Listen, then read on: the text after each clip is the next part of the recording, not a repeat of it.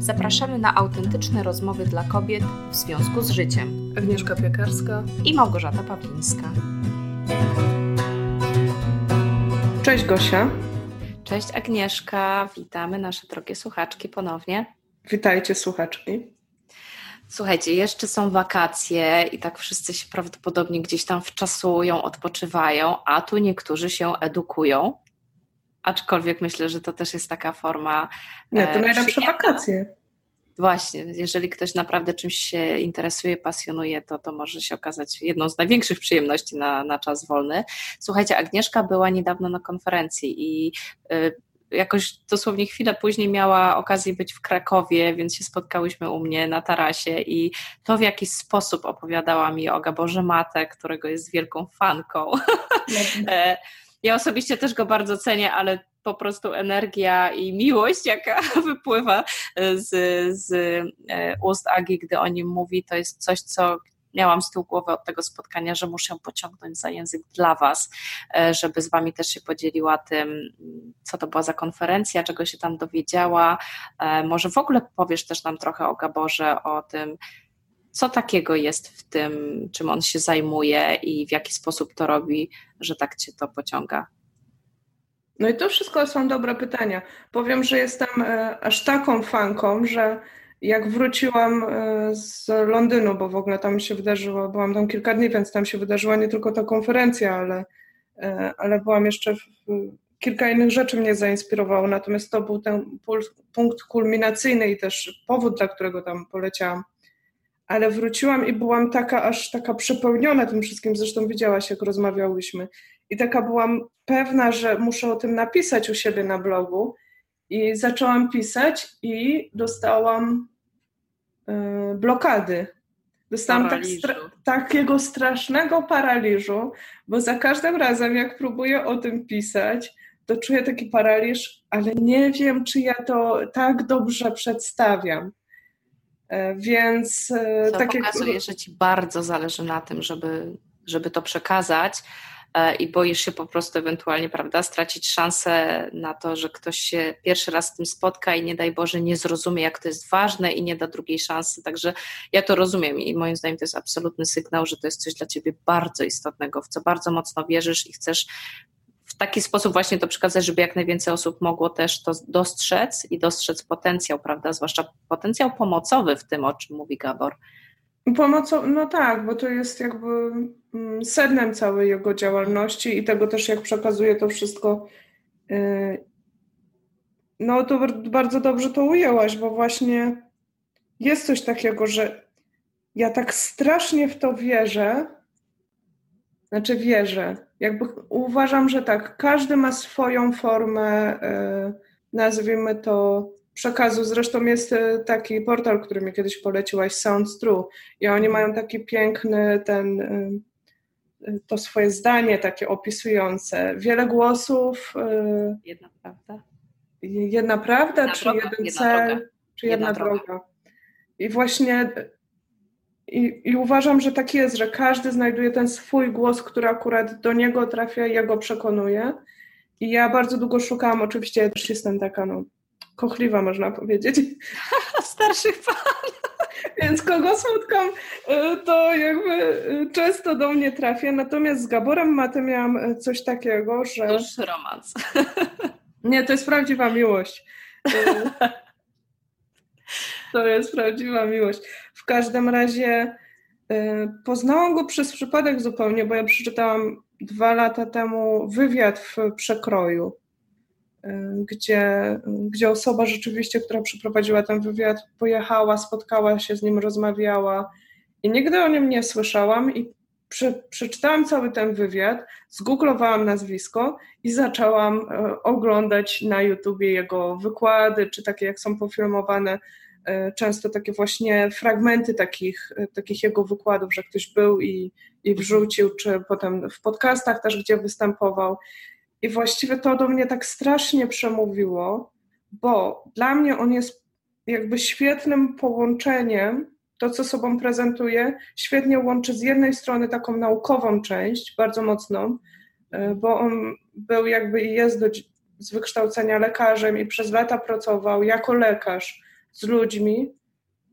Także to jest taka bardzo naukowa część. I wszystko, o czym mówi, jakby bardzo często się powołuje, powołuje na badania naukowe, a z drugiej strony ta taka szersza i głębsza myśl i to takie podejście holistyczne i on też często czerpie z takiej, bym powiedziała, y, tych dawnych wschodnich mądrości. Y, też można powiedzieć, że lubi eksperymentować, bo też pracuje na przykład na psychodelikach, które akurat dla mnie są bardzo dalekie, tak? Jest to mhm. jedna z form jego pracy z ludźmi, ale pokazuje to, jak szerokie spektrum ma Mm, że tak powiem, podejścia. To, to jest spójne z lekarzami, no bo przecież anestezjolog też y, w pewnym sensie działa na psychodelikach, bo opi opiumowe różne rzeczy i tak dalej, to są wszystko znieczulenia, morfiny i tak dalej, nie? Więc on to wiem, ale bada, jak robi... to wpływa na stan świadomości, na, na kojenie różnych cierpień na różnych No ale poziomach. współpracuje z szamanami, na przykład z takimi, no powiedziałabym ekstremalnie... anestezjolodzy bez dyplomu. Tak, nie, bym powiedziała, jest to, to, to, takie ekstremalne... Rozumiem rezerwę, bo mam podobnie. Mhm, mhm. E, drugie takie podejście, które zawsze mnie bardzo kręciło, natomiast czułam jakiś wobec niego opór, czy, czy takie poczucie, ta moja racjonalna część zawsze taką miała dużą rezerwę, że to świetnie brzmi, ale to jest tak niepewna część, mhm. że właściwie jak się w niej poruszać. Ja nie, jakby nie potrafiłam sobie tego ugryźć. Więc jego osoba i to w jaki sposób mówi e, o rozwoju i też docieraniu do swojej takiej własnej prawdy mm, i o tym e, rozwikływaniu tych takich swoich konfliktów, tak?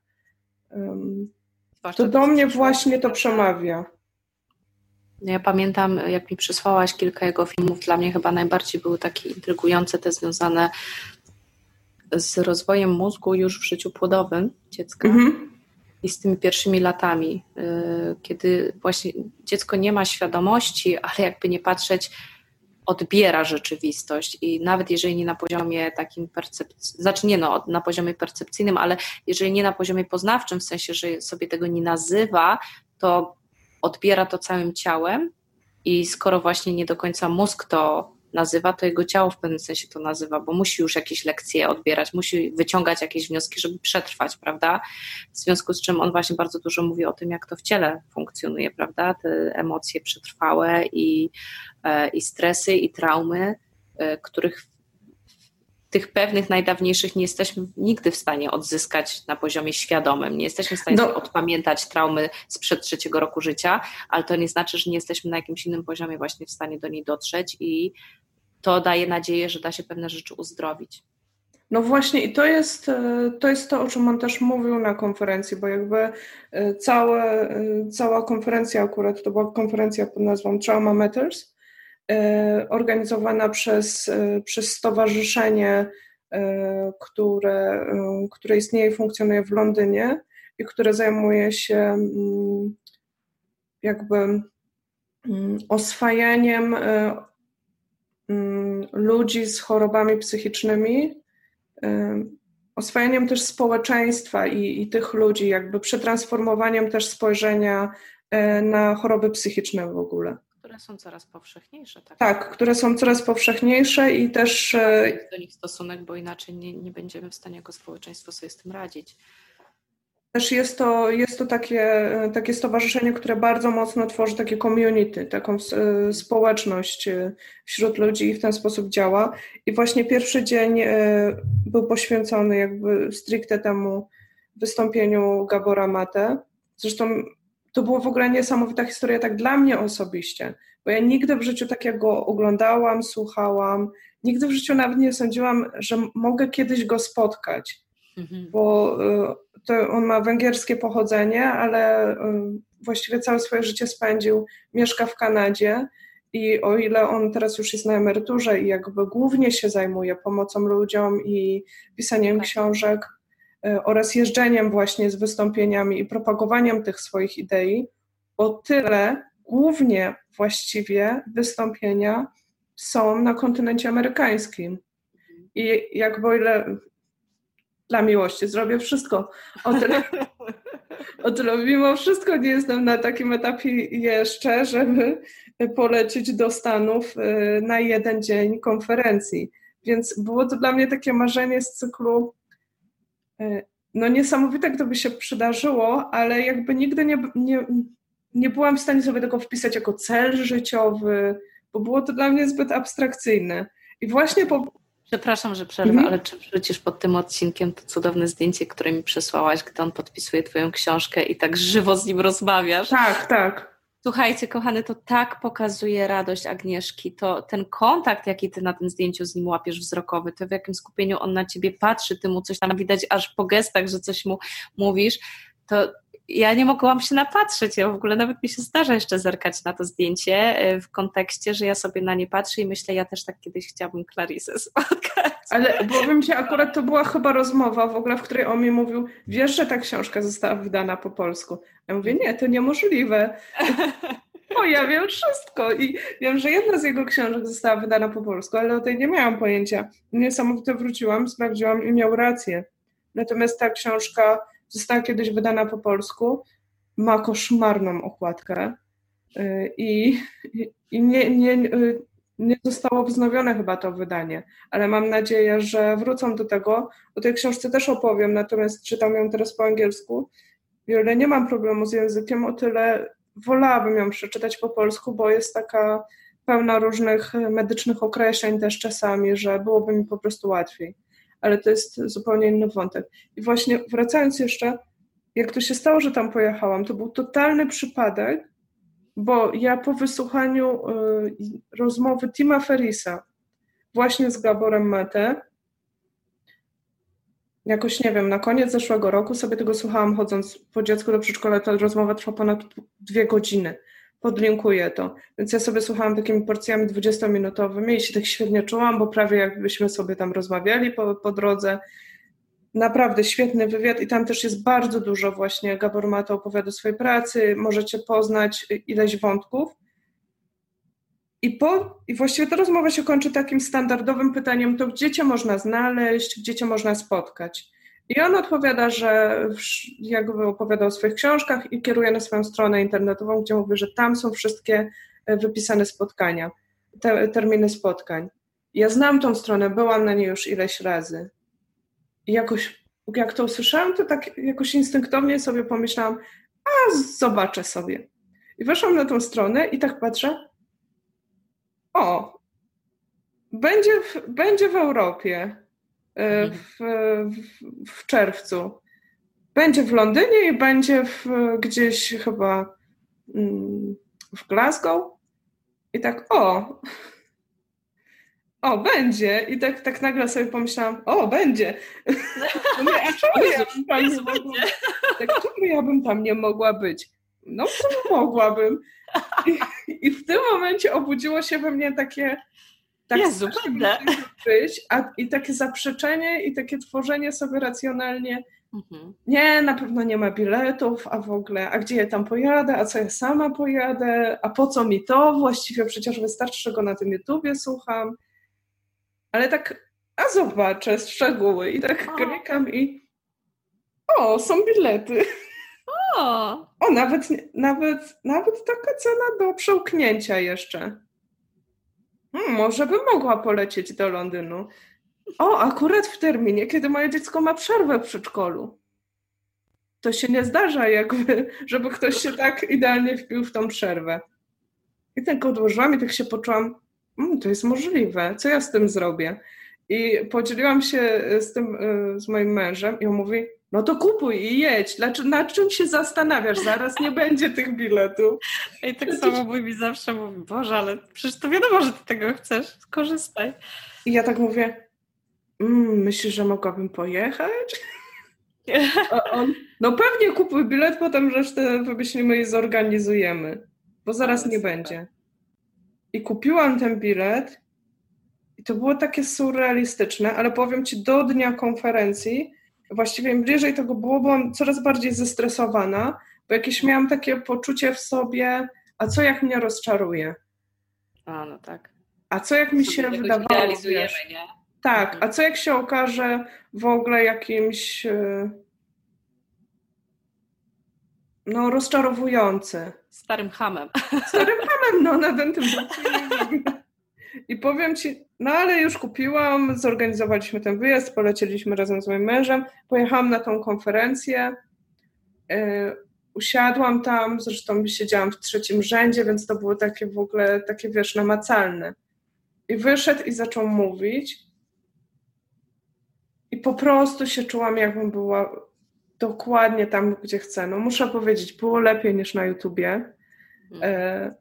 Głównie dlatego, że było też dużo interakcji z publicznością i było też dużo takich momentów, w których, e, w których ludzie zadawali pytania, mówili też o swoich problemach i w których, jeśli się zgodzili, mieli taką powiedzmy bardzo krótką sesję z nim, w których rozmawiał, zadawał im pytania i zobaczenie tego, jak to na żywo działa, plus to, co powiedziałeś o tym zdjęciu też, on po prostu taki jest, ma, ma taki już sposób bycia, yy, takiego totalnego skupienia na ludziach. Nieważne o czym mówisz, te pytania od publiczności były bardzo różne i czasami się zastanawiałam, o rany, człowiek w ogóle się zagubił sam w sobie, nie wiem, czy chce na siebie zwrócić uwagę, czy coś. On był zawsze bardzo skupiony, zawsze wiedział, co powiedzieć, jakie pytanie zadać. Także przeżycie w ogóle takiego czegoś było niesamowite niesamowite i teraz wiem bardzo dobrze, że jest to warte każdych pieniędzy. E, jeśli ktoś tylko ma możliwość i czuje, że chce coś zrobić, to naprawdę to jest niesamowite. Powiedz nam. A teraz no, mogę Wam no, powiedzieć, z czego się dowiedziałam, tak w skrócie. Tak, no. Powiem Ci tak, generalnie on mówił, takie były trzy główne punkty, y, o których mówił, duże i one były związane z jego książkami. Pierwsza była związana z tą książką, w której opisywał e, swoje doświadczenie e, i diagnozował jakby swoją chorobę ADD, czyli deficytu uwagi. ADHD? ADHD, tak, ADHD, ADD. I druga była związana właśnie z, z tym, co jest opisane w książce e, Kiedy ciało mówi nie, czyli przyczyna, wpływ stresu na na choroby, a trzecia była związana stricte z dziećmi. Było też, e, było też wątek poruszany bardzo mocno, no i on był taki też spinający to wszystko o traumie i także o e, trochę uzależnieniach, o czym jest ta e, czwarta książka. I właściwie nie, nie chcę tu teraz tego wszystkiego, bo wróciłam z całym notesem notatek, mhm. ale myślę, że takie może opowiem o dwóch, trzech rzeczach, które mi najbardziej utkwiły w pamięci. Y, I pierwsza była taka, kiedy on powiedział takie zdanie: Nigdy nie chodzi o to, o co naprawdę chodzi. Więc to jest niesamowite zdanie. To jest niesamowite zdanie, bo to zdanie mi po, po, pomogło tak zrozumieć namacalnie, o co chodzi w tym całym mindfulnessie. Mhm. Zawsze to dla mnie była taka ten takie skupienie się na tu i teraz takie było połączone z tą efemerydą, jaką jest Eckhart Tolle. Słucham i jakby rozumiem człowieku, ale nie chcę skończyć tak jak ty. No, wyglądasz, ja mam dziecko, ja mam znajomych, ja mam życie, ja mam poczucie humoru, ja w ogóle nie chcę być po prostu kobietą w sweterku, która będzie mówiła, że żyje tylko tu i teraz. Jestem jakąś, jakąś żywą cząstką. Mam swoją historię, mam swoją przyszłość, mam swoje plany. To twoje tu i teraz brzmi świetnie, ale ja nie wiem, o co ci chodzi. Jak to ma być, rozumiesz, taki opór. I i dopiero tutaj zrozumiałam, i to zdanie, nigdy nie chodzi o to, o co naprawdę chodzi. Tylko tu ci tak szybko jeszcze powiem, że to jest bardzo ważne, co mówisz, bo rzeczywiście ta sama uważność, ten sam mindfulness może być naprawdę różnie podany i to daje nadzieję, że możemy czerpać korzyści, jakie nam to daje, na swój sposób. Tak samo do mnie dopiero dotarło y, John Kabat-Zinn ze mhm, swoim tak. przekazem gdzie on też cudownie uczy medytacji i bycia tu i teraz i on do mnie bardzo przemawia. Do ciebie właśnie Gabor w tym, w tym akurat aspekcie tak. przemówił.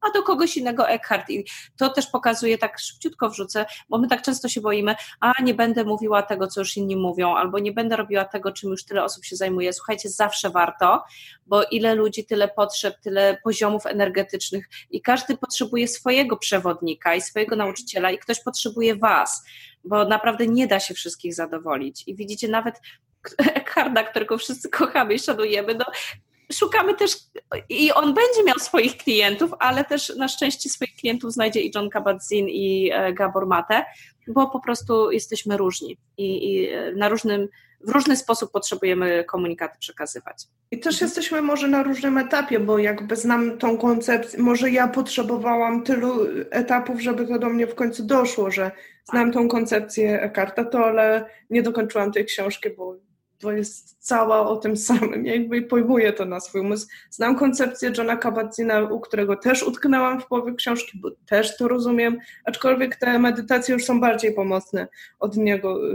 To takie bądź jak góra obecna po prostu. No jestem jak góra, okej, okay. ale nadal mam swoje życie, wiesz, nie chcę zrezygnować z tego, co pamiętam. Ale akurat John nie rezygnuje, nie? On jest bardzo aktywny zawodowo i bardzo w rodzinie też osadzony.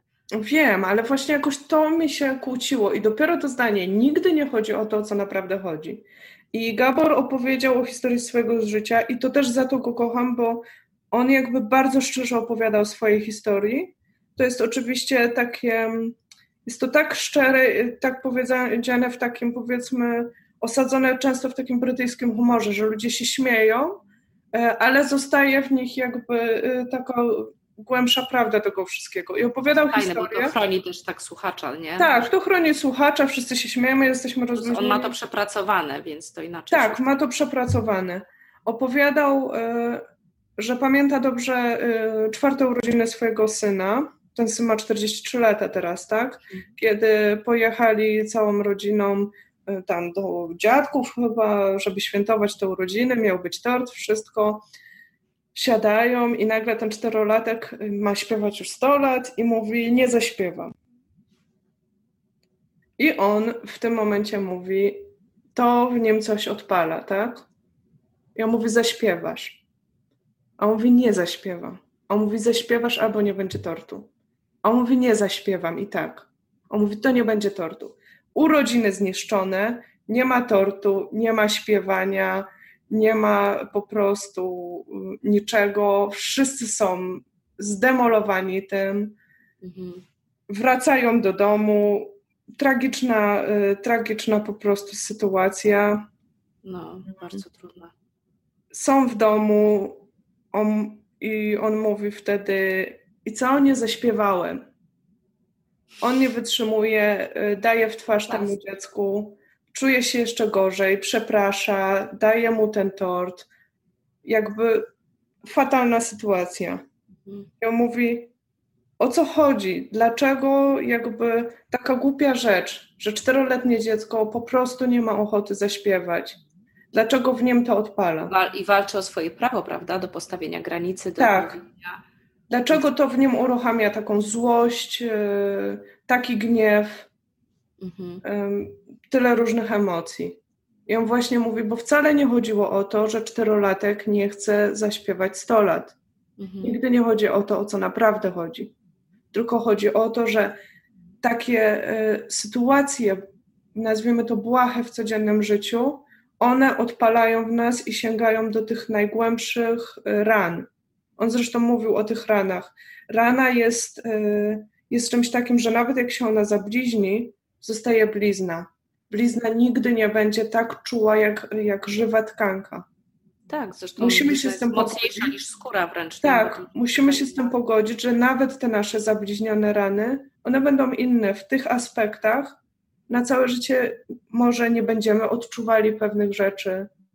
I to jest też okej, okay, tak? Ale mówię właśnie o tych żywych ranach, że to dotknęło jego takiej najżywszej rany, jakiegoś porzucenia, Czyli on bazuje na terapii schematów bardzo mocno, bo, bo terapia schematów ma takie same. Może, jakby ja, ja akurat... No, mu się schemat, który jest zakorzeniony w dzieciństwie, bo wszystkie schematy powstają w dzieciństwie. No, jakby on cały czas Nie, mówi o tej dziecięcej traumie, tak? tak, tak o tak. tych, tutaj też opowiadał i, i to też myślę, nie będę teraz o tym e, opowiadać głęboko, bo on zawsze o tym mówi, e, o tym swoim doświadczeniu jako malutkiego noworodka, gdzie on się urodził w czasie wojny, II wojny światowej e, na Węgrzech.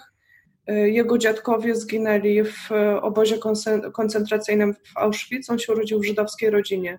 Jego ojciec był w obozie pracy, jego matka była sama e, z tym niemowlakiem. Na jakiś czas musiała go oddać do zupełnie obcych ludzi, bo nie wiedziała, czy w ogóle przeżyje. I właśnie to jest to, o czym ty mówiłaś, że że niemowlak, że dzieci jakby y, absorbują to wszystko. Tak, tak. Czują. On mówi jakby zestresowana matka oznacza zestresowane dziecko. Tak. Że, że te, te, Właśnie te traumy... to są te tematy, którymi on się zajmuje, które mnie najbardziej akurat fascynują z jego tematu. Mhm, tak, że, że to są te nasze dziecięce traumy. On jakby też mówi o tej, bardzo mocno całą podstawą jest ta dziecięca trauma, bo mówi, dla każdego trauma może być coś innego. Tak, bo jeżeli też właśnie mamy naturalną wrażliwość, to po prostu tak, im może dla nas być traumą coś, co absolutnie rodzice nie mieli złych intencji, nawet nie są świadomi, że nam traumę zrobili, że nas na przykład zostawili gdzieś, e, nawet pod czyjąś opieką, a mhm, dla tak. nas to już stać jako trauma. Więc tu nie chodzi nawet o winienie kogokolwiek, tylko o no, przyjrzenie się temu, żeby zacząć normalnie funkcjonować, zdrowiej funkcjonować pomimo tej traumy, bo też traumy nie cofniemy, nie? Ale no, żeby wiedzieć tak. i nie bagatelizować i nie kwestionować, że być może nam się jakaś trauma przytrafiła, nie? Nie mówimy tu zawsze o, nie wiem, molestowaniu, czy Dokładnie. tego typu tematach, to mogą być zupełnie inne. Mhm. On, on, jakby on definiuje, mówi, trauma nie jest tym, co ci się przytrafiło, tylko tym, co przytrafiło się tobie na skutek tego, co się przytrafiło. Uwielbiam jego zabawy Tak, to, to, co się wydarzyło w tobie. I, I on mówi, trauma jest niczym innym jak jak po prostu rozłączeniem. A może powtórzyć jeszcze raz? Jeszcze raz. Trauma nie jest tym, co ci się przytrafiło, trauma jest tym, co się stało w tobie w wyniku tego, Na skutek co tego, coś ci okay. się przytrafiło. I on mówi, trauma jest niczym innym no tak, bo, rozszczepieniem. Bo zadziała, na innego nie. Tak, właśnie tym rozłączeniem się, się y, od siebie. Więc on mówi jakby nad tymi dziecięcymi traumami, na, na, on mówi z tego jakby, on wychodzi z tego, że większość tych problemów typu y, choroby autoimmunologiczne, y, czy rak, i tutaj odnoszę do książki, bo to nie jest takie właśnie new age'owe mówienie, że nie wiem, boli cię noga, to znaczy, że tam nie możesz dokądś pójść, czy tak dalej. Natomiast to jest wszystko osadzone już teraz bardzo mocno w badaniach i on też jakby zaczął to obserwować u swoich pacjentów. Napisał na ten temat całą książkę. E, są bardzo podobne jakby życiorysy tych osób, które umierają na raka, e, które mają choroby autoimmunologiczne na przykład. I to wszystko jest połączone z traumą i tak samo łączy z traumą temat uzależnień. I ja mówię, że jakby poziom, poziom tego, jaką jakby na przykład uzależnienia, dlaczego niektórzy są uzależnieni od heroiny, a inni są uzależnieni od zakupów i mogą dużo lepiej funkcjonować. Mhm. On mówi, zawsze podłożem jest trauma, tylko zależy od poziomu tej traumy, tak? No bo, y, bo inne jest jakby ciężkie molestowanie dziecka, które nigdy nie miało możliwości podzielenia się swoją historią z nikim. To jest też to, i powiem tak, to do mnie bardzo przemawia, bo te wszystkie wątki,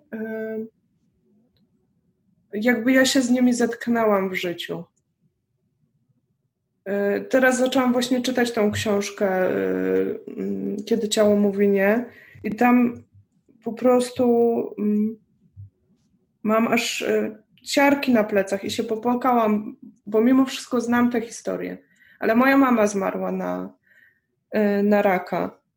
Y, I jakby znam jakoś y, częściowo jej historię. Ona miała bardzo trudną historię życia. Jako dziecko wiem, z jakiego domu wyszła, wiem, z jakimi rzeczami się borykała, jakby.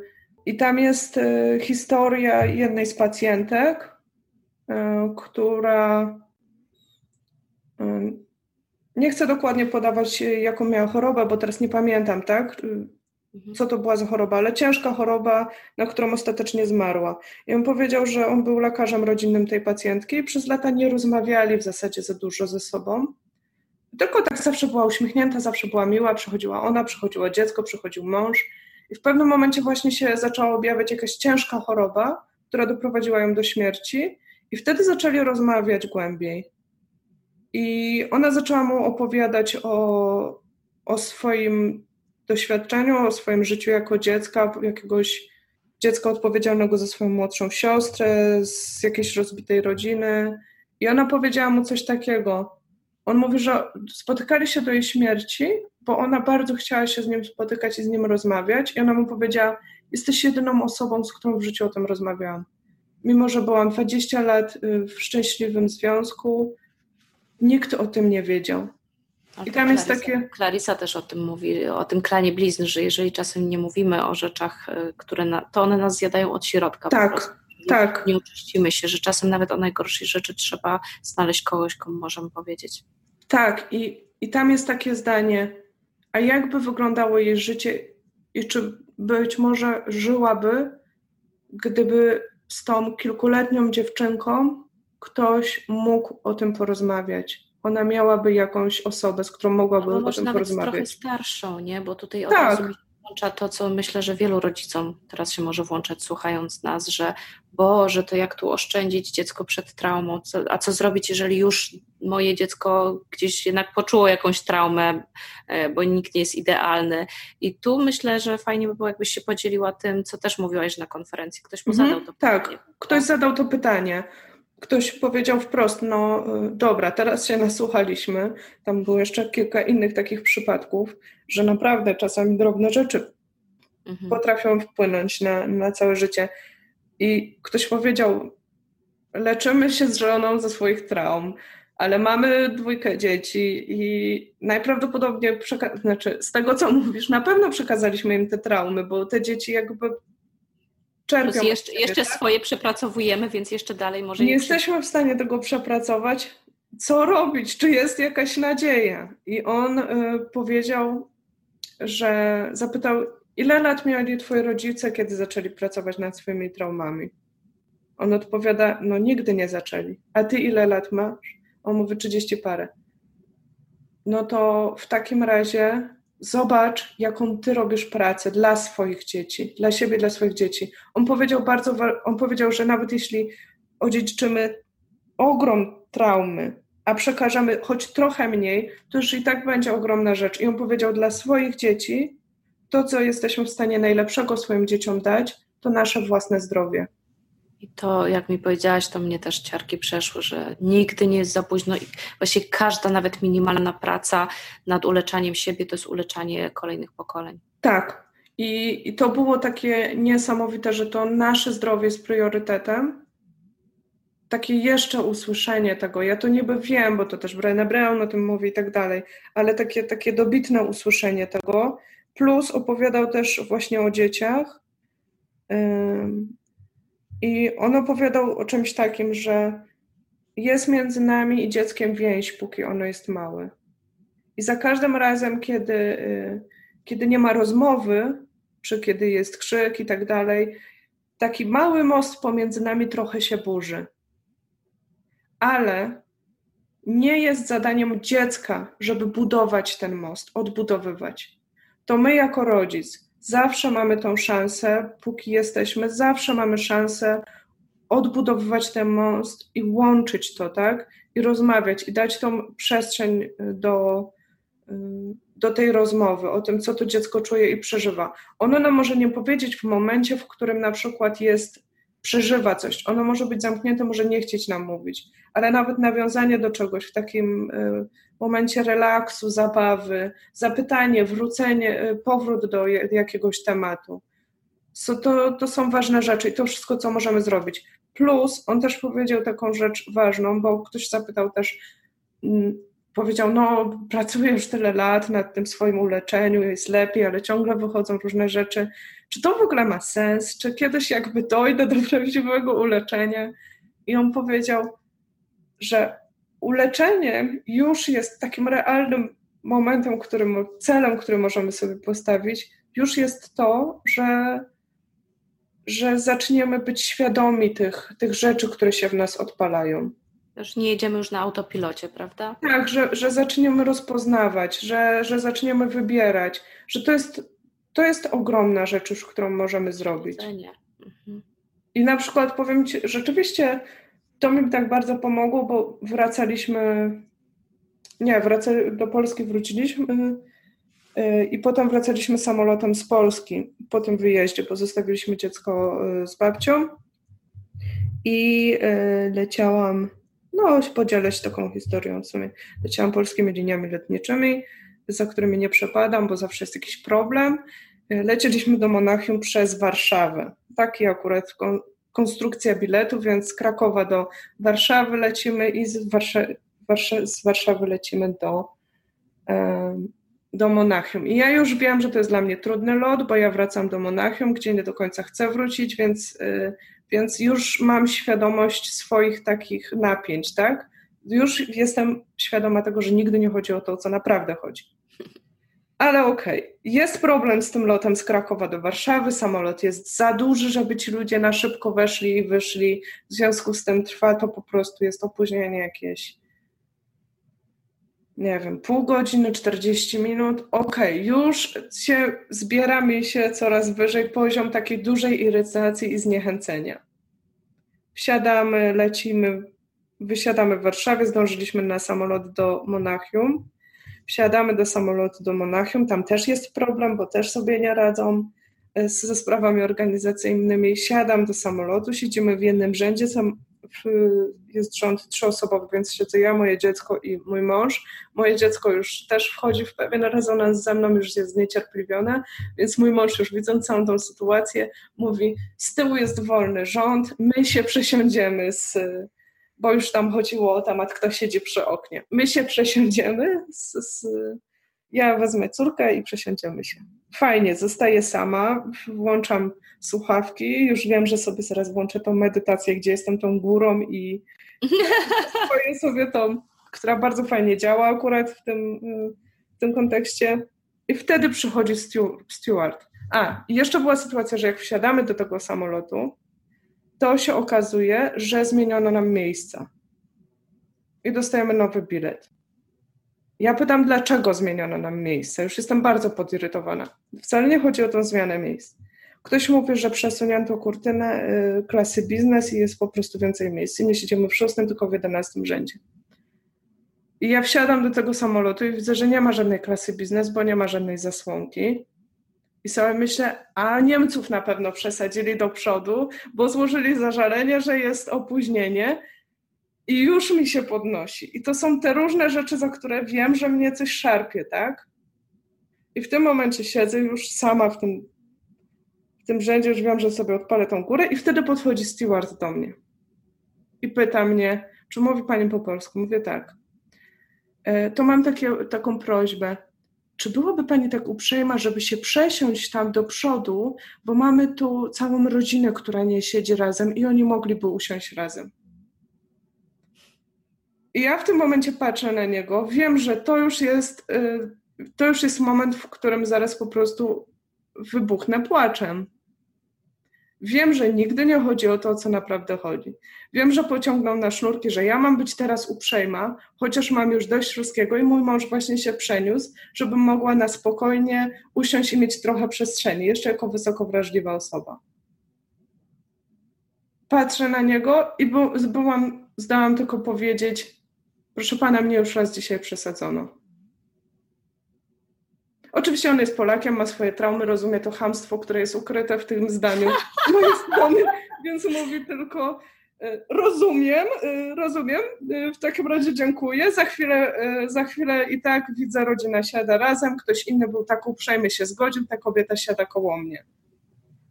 Oczywiście czuję się jeszcze gorzej, bo jestem podła, nie mogłam ponad swoje jakieś tam uprzedzenia być taką... A i tak nie siedzisz sama a tu taka i tak nie jestem sama, po prostu już się zastanawiam, czy jakąś awanturkę jeszcze wszcząć, czy zaraz tych, tych z tyłu nie sprowadzić, że oni jednak mają to miejsce. Nie, już włączam tą górę i okej. Okay. Ale właśnie z jednej strony kiedyś bym sobie pomyślała, jaka klęska po prostu. wracam naładowana z takiej konferencji, wiesz, tyle rozwojowej wiedzy, a teraz po prostu i tak jestem, jestem z siebie dumna, bo zrobiłam wszystko, co było w mojej mocy, ale nie idę też dalej poza te granice, bo dbam o, o jakiś taki poziom tego, co jest dla mnie do wykonania w tym momencie i mam tego wszystkiego świadomość. I to jest chyba dla mnie to takie, y, za co kocham tego Gabora, że on wnosi w cały ten taki rozwój, to uleczenia, taki absolutnie ludzki element. Że, że, two, że jakby najważniejsze jest, żeby dać siebie wszystko, ale wszystko, co jest możliwe. I to, o czym też on na samym początku mówił, o, o relacji, że my zawsze żyjemy w relacjach. I że tam na tej konferencji większość osób to byli, były osoby, które pracują z ludźmi e, profesjonalnie, tak? Terapeutów i innego rodzaju e, takich osób, które pomagają ludziom. I on powiedział, najważniejszym elementem leczącym w terapii jest osoba terapeuty i ta przestrzeń zrozumienia, którą się tworzy. Ta przestrzeń. I to do mnie tak doszło, że, że to prawda, że to prawda, ta przestrzeń, ta absolutna akceptacja, ten taki moment, w którym pierwszy raz można być sobą, można komuś powiedzieć o czymś. To jest po prostu niesamowite. Dlatego, yy, dlatego tak gdzieś dotknęłyśmy iluś wątków, ale myślę, że też trudno, trudno jakąś taką spójną linię dać. Ja myślę, że dopiero zaczynamy, wiesz, w sensie czuję ogromny niedosyt. Yy, mogłabym naprawdę bardzo długo Cię słuchać i myślę, że nasze, czytelni nasze czytelniczki, nasze słuchaczki również. Yy, I słuchajcie, kochane, jeżeli Was ten temat jakoś gdzieś czujecie po prostu jakieś zaintrygowanie, że coś jest takiego, że chciałybyście pod, pogooglować, podłubać, popytać, to naprawdę piszcie, pytajcie, bo ja widzę tutaj ogromną przestrzeń um, na, do zagospodarowania też na te tematy, zwłaszcza, że mi się tutaj też bardzo tak otworzyło, że Mogłabym oczywiście, jeżeli tylko byście chciały dodawać e, od strony terapii schematów bardzo dużo i ćwiczeń, mm. i pytań, i, e, i różnych koncepcji, bo to jest podobne, choć ja wiem, że Gabor e, idzie w jeszcze takim głębszym nawet wydaje mi się kierunku, bo terapia schematów jest jednak z nurtu poznawczo-behawioralnego, mm -hmm. więc tam oczywiście jest troszkę bardziej taka racjonalna, e, ale może się to fajnie uzupełniać, bo jesteśmy ciekawe Zagą, że, że przecież każdy z nas ma jakieś swoje różne wątki i im więcej możemy różnych ciekawych rzeczy odnaleźć, które mogą nam pomóc, to właśnie nigdy nie wiadomo, czy to nie jest coś, co akurat w końcu odnajdziecie coś, co Wam pasuje. Także koniecznie zadawajcie nam pytania na w związku z życiem.pl, ale i pisząc komentarze gdziekolwiek na nas natraficie, czy to E, na YouTubie czy na iTunesie mm, po prostu będziemy, czy nawet pisząc do nas maila po prostu bezpośrednio, mhm.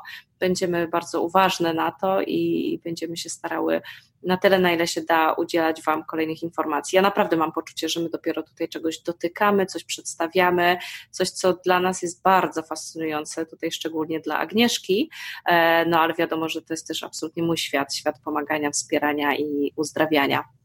Także dzięki Aga, że się tym podzieliłaś. Naprawdę. O, cieszę się, że taka przestrzeń też powstała, gdzie mogłam to na, spo, na spokojnie i tak bez ściśnienia o tym opowiedzieć. I też na stronie odcinka znajdziecie dużo dodatkowych linków tak. i odnośników, do których chętnie Was odeślemy, żebyście mogły głębiej poszukać. No to trzymajcie się, ściskamy mocno. Do usłyszenia. Do usłyszenia, cześć.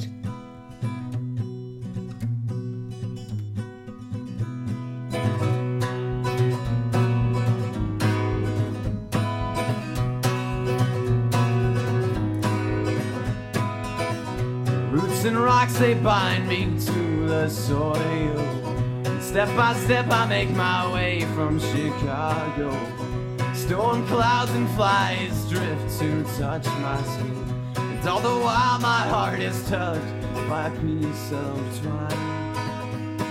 It's not entangled.